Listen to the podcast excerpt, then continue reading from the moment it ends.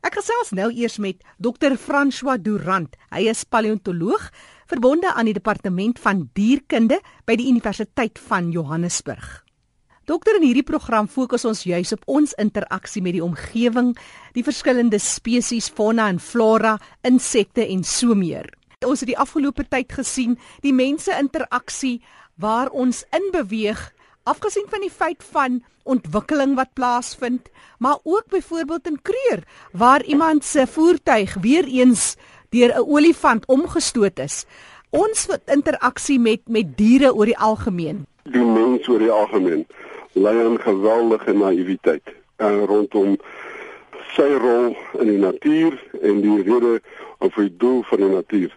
Jy weet ons lei aan daai uh, persepsie nog dat die natuur vir ons gegee is om net te doen wat ons goed dink. En dit is natuurlik totaal verkeerde benadering wat mense wat mense het teens die natuur. Want dit is ons lewe danksy die natuur wat vir ons toelaat om te lewe daar binne, nê? Nee, en nie andersom nie. Jy weet baie mense dink die natuur is gemaak vir die mens. En dan kan ons nou met ons bulldozers inkom en ons elektriesynings en ons kan met boer waar ons wil maak net wat ons wil. En dan partykeer kry ons so 'n uh, wakker maak skud van die van die natuur wat sê nee dit is nie hoe dit werk nie. Dit is nie die rol van die natuur nie, is ook die rol van die mens nie. Jy weet as jy net kyk na die mens en waar die mens vandaan kom oorspronklik in die oergeskiedenis van die mens. Dan moet jy besef die mens was maar deel van die ekologie van die um, grasvelde van Afrika. Vir die laaste kom ons sê 3 miljoen jaar, 3,5 miljoen jaar. En dit bedoel dat ons het ons baie soos Bobbejane geleef ten opsigte van ons dieet. Ons het 'n omnivoriese dieet gehad. Ons het termiete geëet, ons het skorpioene gevang, ons het bessies geëet en eentjies gegrawe en allerlei goed net soos wat mense vandag nog boskos eet. En in ruil het ons katkos geword. So die groot kat het ons gevreet. En leeu's en luiperds en so aan voort, né? Nee? En dit was ons ekologiese rol. Toe het die mens tegnologie ontdek. En uiteindelik het ons allerlei goedes gedoen. Ons motors, ons het gewere, ons het plaas, ons het ploë, ons het trekkers, ons het uh toerisme en dit is nie die die natuur het nie daarbey aangepas nie. Ons het natuurlik die natuur gereduseer tot wat hy vandag is.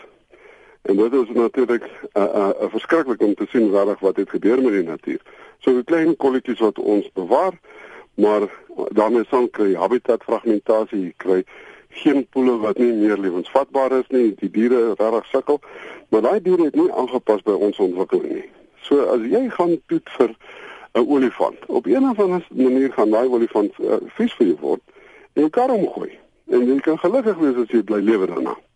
Dit dat hierdie mense wat gaan kyk na dolfyne of walvisse. Daar's 'n hele walvis toerisme industrie, né? Nee? Gaan hulle bootjies tot by die walvisse. Eendag is eendag waar daar 'n uh, ma ehm uh, walvis. Nou gaan baie vererg vir die mense en net 'n bootjie gaan omklap met 'n stert en al die toeriste is dan dood. Wat dan? Dis dit dan nie is dit die walvis se skuld. Natuurlik is dit nie. Dis die mense se skuld wat nie kan uitlos wat hulle moet uitlos nie. Dokter nou dis aan die een kant die groter diere, olifante, die walvisse, het gepraat van die katte, maar wat ja. van die kleiner spesies en ons interaksie met met die ander goeters wat ons byvoorbeeld as ek nou net dink aan ons interaksie met insekte en so meer, goeters in die o, huis. Ja. ja, nee weet jy, as jy maar na 'n supermark toe gaan, hè, kan jy sommer met jouselfde mandjie wat jy jou brood en jou jou piesangs het Uh, gaan gooi jy sommer daar 'n blik insekgif ook in, sommer wat tussen jou kos. Jy kan jou 2-jarige kind in die winkel instuur en gaan sê gaan koop 'n blik van daai. En daar's geen beperking daarop nie. En jy weet dit is die verskriklik, nee, en dan spyt mense net waar hulle kan. Ek weet van 'n tannie, dierbare tannie, wat haar geitjies in die huis spuit met met insekgif. Want sy uh sy hou nie van nie en dis reptiele en dit is van die Satan. Alles wat reptiele is, is van die Satan. Jy weet dit is 'n totale verkeerde persepsie van die natuur. En 'n nuttige rol wat al hierdie diere speel in die natuur wat die mens nie kan naboots nie. Die mens kan nie die, in in plek van die daai daai geitjie al daai peste en goedjies gaan vang nie, né? Jy weet so al al, al antwoord wat ons het is kom ons gooi net nog gif by die storie en kyk of dit gaan werk. En daai van daai goedes muteer so vinnig dat hulle weerstand opbou teen daai gif wat die mens nog nie bygepak het nie. So ons gaan dood van diere teen mettertyd of kry allerlei endokriene ehm um, versteurings van wil die feit dat ons DDT inkry en dan met die tyd gaan daardie insek teen dit 'n weerstand begin opbou en hy lag vir jou. En dan het jy nou net nie met daai gifstof hier om jou self teen daai muskiete beskerm wat miskien malaria dra het. Jy weet so ons het regtig 'n baie simplistiese en baie onverantwoordelike uh beskouing van die natuur. En op een of ander stadium en ek dink dit gaan lank wees, nie gaan die natuur vir ons 'n uh, punt wys.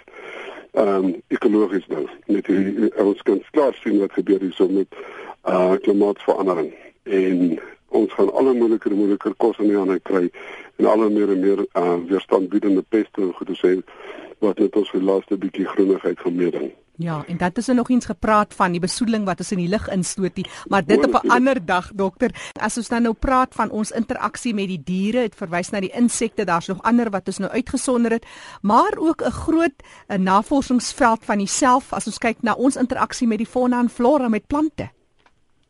Ja, natuurlik, ehm uh, jy weet daar was jare gelede op op ehm um, ek weet nie of dit nog Afrikaans stereo was nie of het hulle so 'n plantprogram gehad en dan het ek kan nie onthou wie was die aanbieder of dit Christopina of iemand was nie.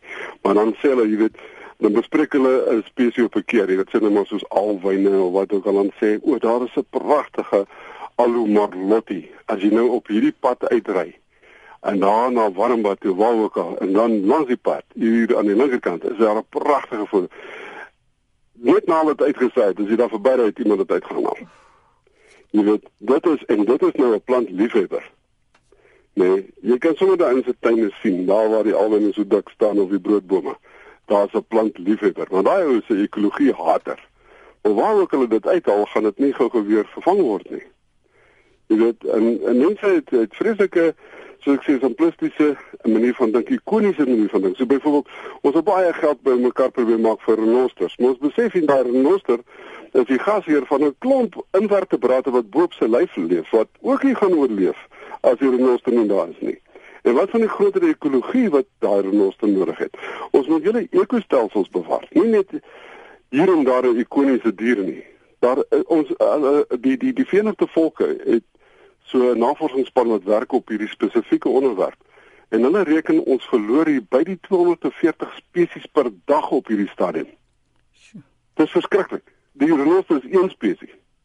Nee, wat ek ook nie wil verloor nie. Ek sê nou kom ons offer die renoster op nie.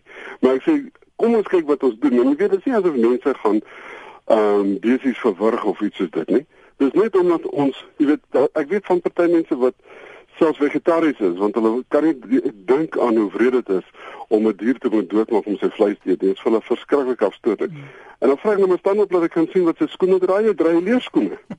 Nee, dan kry ek van my mees suiwere vegetariërs wat sê kyk, ek dra nie eens leerskoene nie. Ek dra plastiek skoene. Dus ek weet jy jy het soveel gifstowwe veroorsaak om daai daai plastiek skoene te koop en daai rubber dat julle ekostelsels vernietig is in die proses. So, Plus dat jy een koei geslag het. Ja, so wat sê dokter, moet 'n skaalvoet loop. Ek dink nie dis 'n probleem om miljoenskoene te dra nie.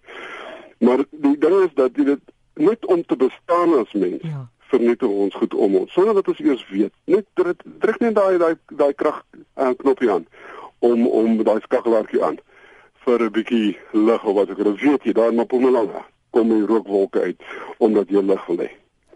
En vernietig dit die ekologie. So dit maak tog 'n verskil al is dit op jou klein maat wat jy 'n verskil sou wou maak in jou huis waar dit ook al is. Dit maak 'n verskil sou jy sê. Ons moet 'n radikale uh, verandering gaan in ons ons hele benadering teenoor die natuur en alles in die natuur. Ons moet totaal 'n uh, ander uh, sienwyse ontwikkel. En ons is nog ver daarvan af. Jy weet dit help nie jy sit net energiesparende gloeilampies en jy moet eerstens nie elektrisiteit gebruik nie. En as jy moet gebruik fotovoltaïese selle of gaan slap vroeg. Wat daarvan? vir verandering. en sal op die son opkom. Is dokter François Durant wat vandag gesels het hier in Ekoforum, hy is paleontoloog in departement dierkunde by die Universiteit van Johannesburg. Altyd interessant om sy sienswyse te kry vandag oor ons interaksie met die natuur.